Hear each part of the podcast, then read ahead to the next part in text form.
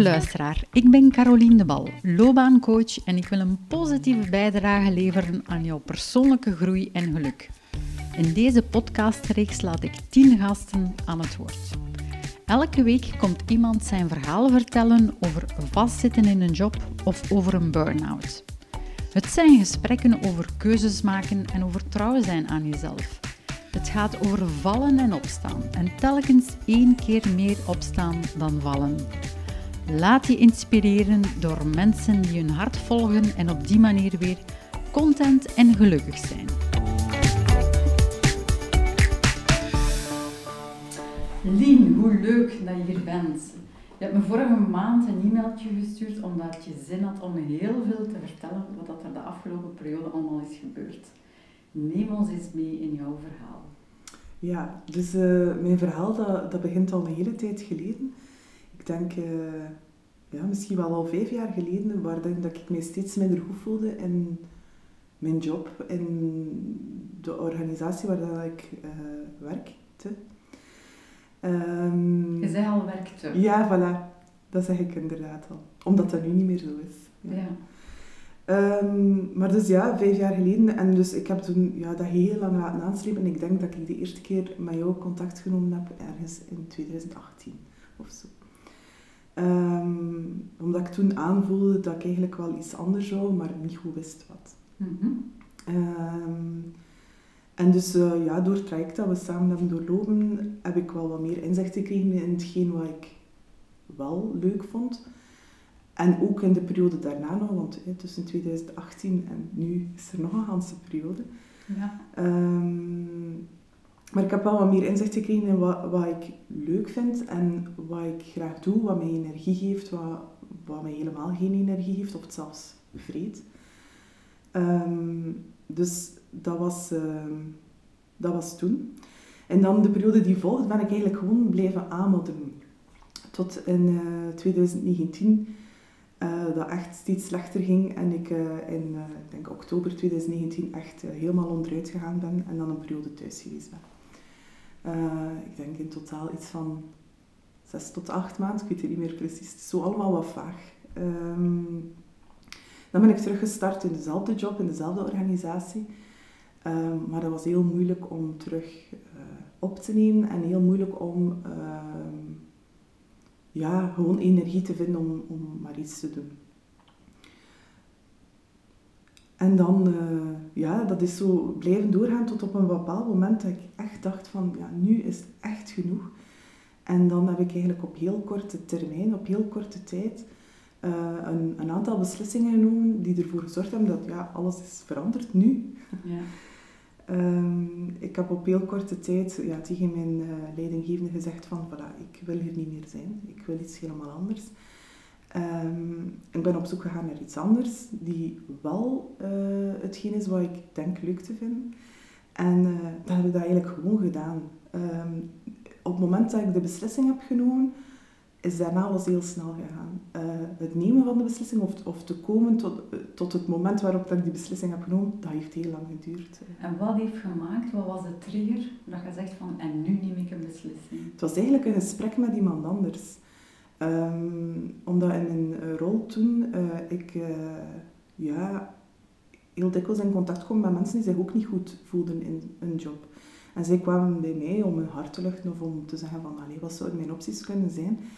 En op een bepaald moment had ik zo'n gesprek en ik was zelf een aantal zaken aan het zeggen waarvan ik achteraf dacht, maar allee, je zegt dat tegen iemand anders, maar zelf doe je dat niet.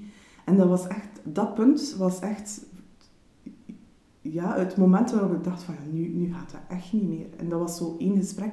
Er zijn in de periode daarvoor wel nog heel veel kleine zaken geweest, maar dat was echt het punt dat ik zei s'avonds van nee, nu is het echt genoeg geweest. Dus begrijp ik het goed als je zegt van ik kon wel advies geven aan anderen, maar ik kon het niet voor mezelf ja, voor anderen is dat makkelijk, hè, want dan zit je niet in een wereld en dan heb je uh, bepaalde gedachten dat zij hebben. Ja, je hebt niet per se dezelfde, dus dat is eenvoudiger om, uh, om dat tegen iemand anders, om tegen iemand anders daarin, uh, daar iets over te zeggen, dan dat bij jezelf te aanvaarden eerst al en dan ook in te zien gewoon. Ja. En als je zegt een bepaalde gedachten, welke gedachten waren er dan bij jou die jou toch tegenhielden om die stap te kunnen zetten? Voor mij was de, het belang, de belangrijkste gedachte die mij heel lang heeft tegengehouden, was de idee dat als je uh, ergens aan begint, dat je dat moet voortdoen. Ja. En dat je niet mag opgeven. Dat, dat, dat is iets dat, al, ja, dat altijd al in mij heeft gezeten. Um, dus je, als je ergens aan begint, dan moet je voortdoen. En, uh, en je doet dus ook je job. Je bent eraan begonnen, je moet dat doen tot aan je pensioen. Ja, dat was niet... Ik, ik heb dat nooit met die instelling um, gestart.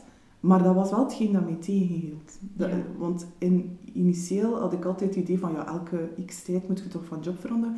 Tot op het moment dat je opeens 14 jaar in dezelfde, op dezelfde job zit. Um, maar um, ja, dat was echt het idee van, ja, als je ergens aan begint, dan moet je, dan moet je verder doen. En dan, als je dat niet doet, dan ben je een opgever. Aha. En dat was, uh, ja, dat was heel moeilijk om, om... Dat blokkeerde mij volledig eigenlijk. Ja. En hoe heeft u dat dan toch op een of andere manier kunnen deblokkeren?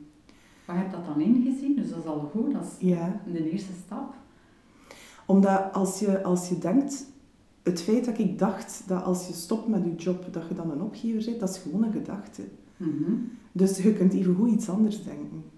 Je kunt even goed uh, het omgekeerde denken. Je kunt even goed denken van, ja, als ik nu stop met mijn job, dan is dat omdat, omdat ik kies voor iets anders, omdat ik iets wil doen dat ik graag doe. Dat is een even juiste gedachte of foute gedachte.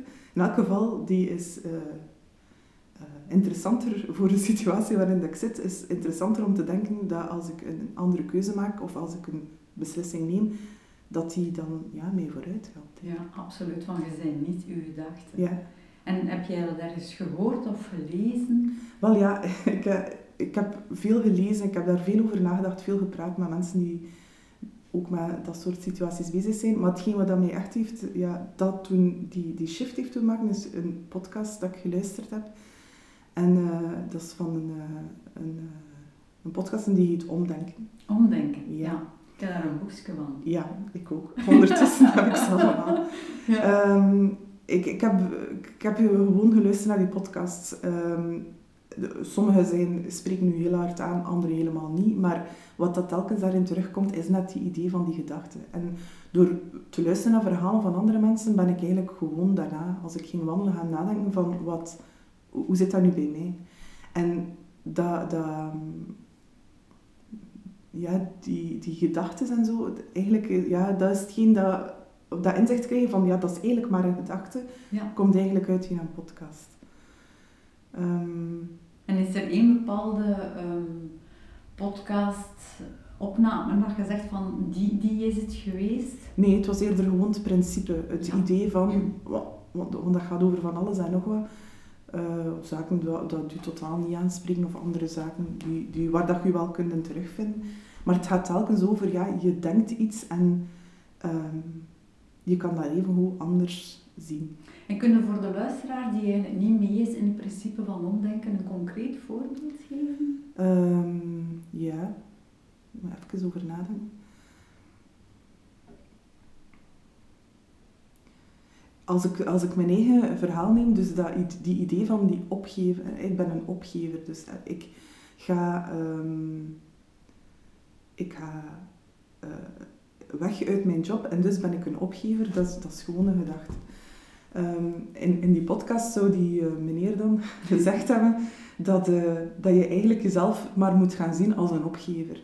En dat zodanig belachelijk maken eigenlijk, of dat zodanig doorzetten, dat je eigenlijk op, opeens wel inziet van dat dat een absurde gedachte is. Omdat je weet dat er al duizend andere situaties zijn waar dat je geen opgever bent. Ja. Um, en doordat, daarnaast, daarnaast ga je gaan zien van wat is dan wel een gedachte die, die positief is.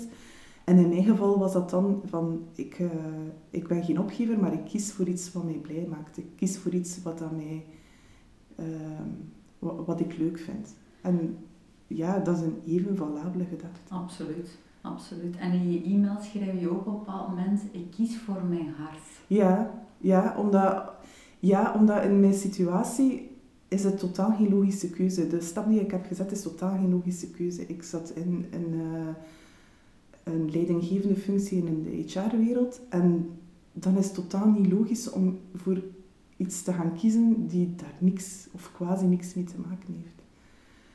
Ehm, en als ik daar soms over praatte met mensen uit mijn omgeving of, of met gewoon andere mensen die ik tegenkwam, zeiden die ook altijd, hè?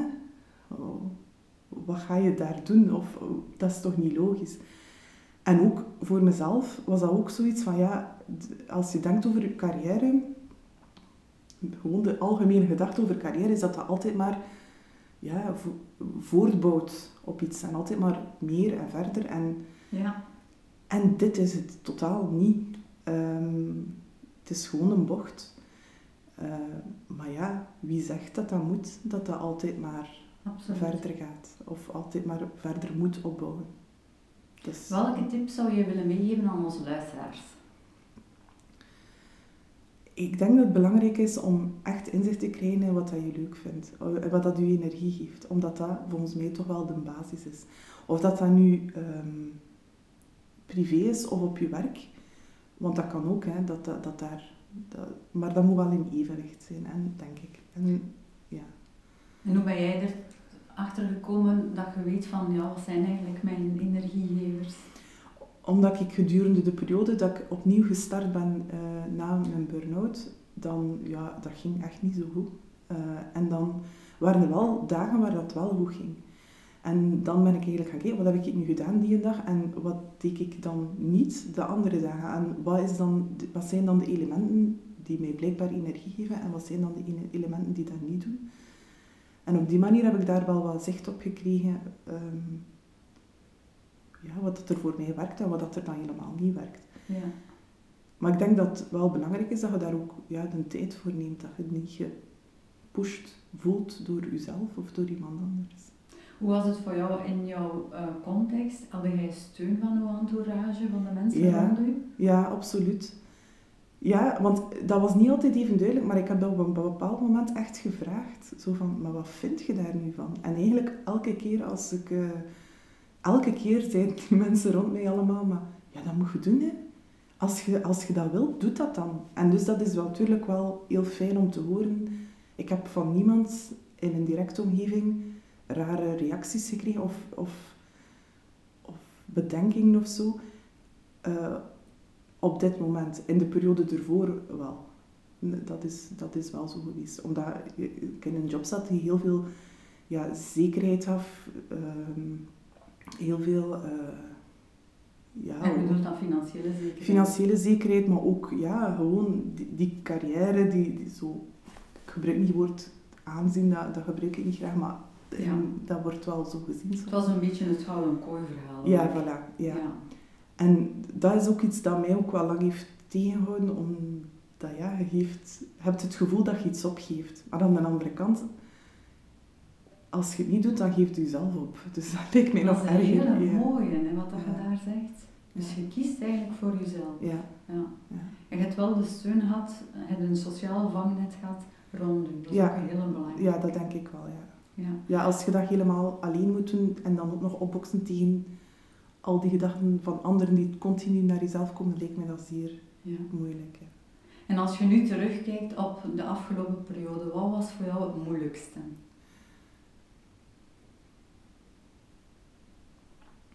Het moeilijkste was eigenlijk na de beslissing uh, om, om mijn team in te richten. Uh, ik had een team van, als ze volledig zijn, 17 mensen. En ik wist dat op het moment dat ik ging zeggen van voilà, ik ga ergens anders naartoe, dat dat uh, voor hen moeilijk ging zijn. Ik wist dat op voorhand. En dat was, dat was wel heel moeilijk in die periode. Ja, dat, heeft ook, dat is ook iets dat mij heel lang heeft tegengehouden. Zo die idee van, ja, ik moet daar zijn voor hen of zoiets. Die gedachte die ook absurd is uiteindelijk. Je moet je ja. ja. ja.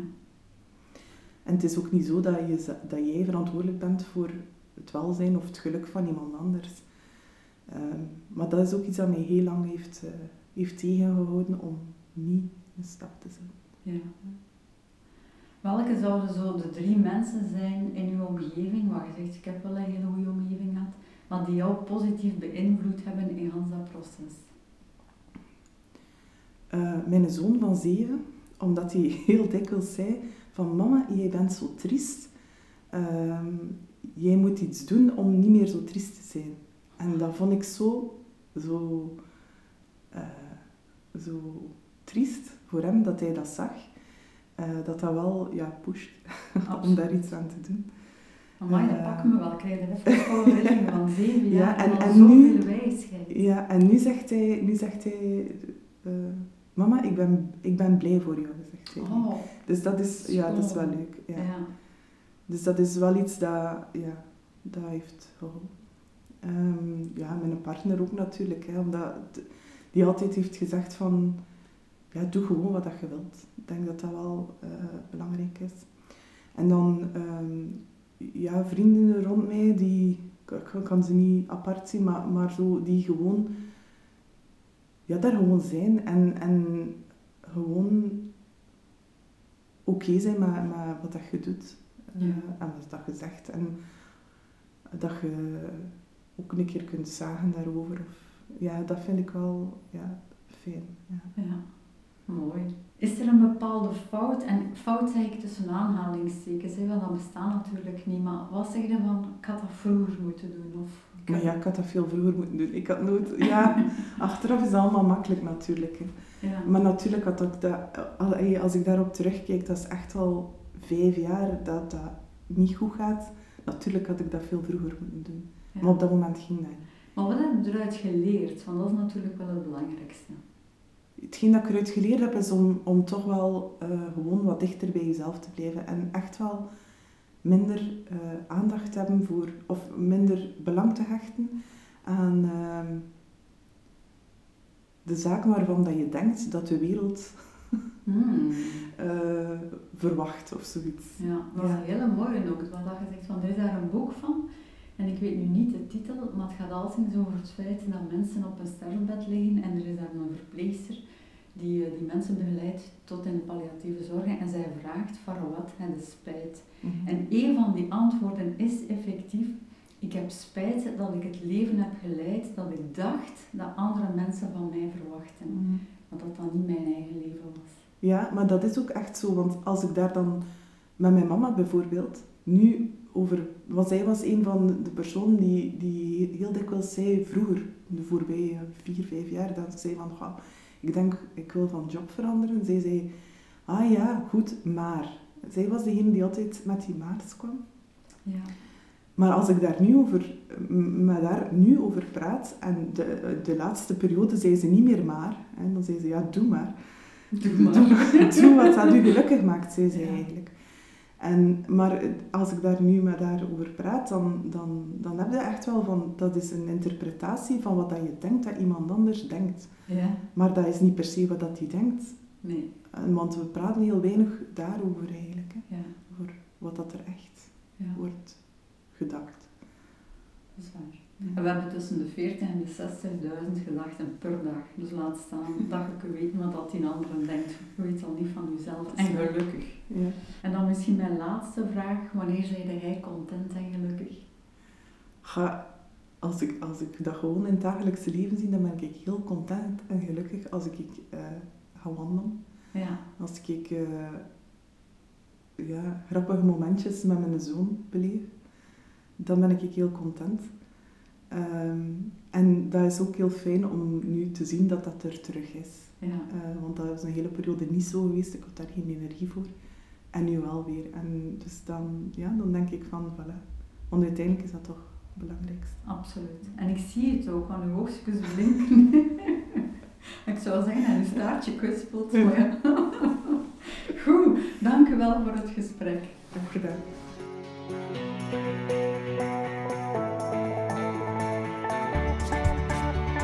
Heb jij ook het gevoel dat je vastzit? Wil je niet gewoon overleven, maar weer volop leven? Zet dan vandaag die eerste stap en contacteer me via LinkedIn, Instagram of via de website damaicoaching.be.